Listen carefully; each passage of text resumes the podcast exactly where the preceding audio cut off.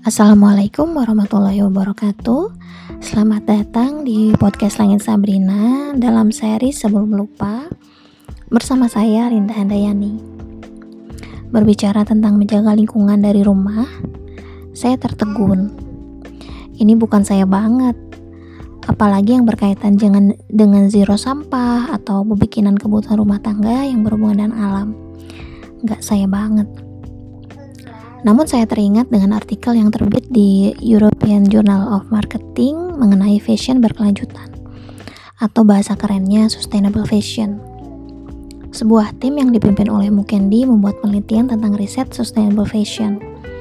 Pertanyaan yang mereka ajukan sederhana tapi menohok. Sejauh mana kita mengetahui sustainable fashion dan akan ke mana kita sekarang? Pertanyaan ini menagih jawaban konkret baik dari peneliti lain, pemerintah, praktisi industri fashion, dan kita sebagai pengguna. Isu sustainable fashion muncul beriringan dengan isu SDGs ke-12 yang dibawa oleh United Nations. Isu ke-12 ini tentang memastikan pola konsumsi dan produksi yang berkelanjutan. Produsen bertanggung jawab atas keberlanjutan bahan pada produk yang dijual, konsumen bertanggung jawab pada keberlanjutan barang yang dikonsumsi. Kali ini saya batasi pada pakaian ya. Sustainable fashion dapat digunakan untuk memaknai berbagai hal. Bisa untuk barang yang memiliki sifat berkelanjutan, gaya hidup berkelanjutan, termasuk lingkungan dan sosial. Bisa diartikan sebagai slow fashion atau pakaian yang memiliki umur yang panjang, penggunaan ulang atau reuse, daur ulang atau recycle, bebas dari kekejaman terhadap makhluk hidup. Ini berkaitan dengan barang-barang yang kita gunakan, misalnya tidak menggunakan tas atau sabuk yang berasal dari binatang, kulit binatang. Kemudian secara radikal, sustainable fashion diartikan sebagai anti konsumsi dan anti produksi. Sustainable fashion ini mengingatkan saya pada kebiasaan baru keluarga kami dua tahun belakangan ini.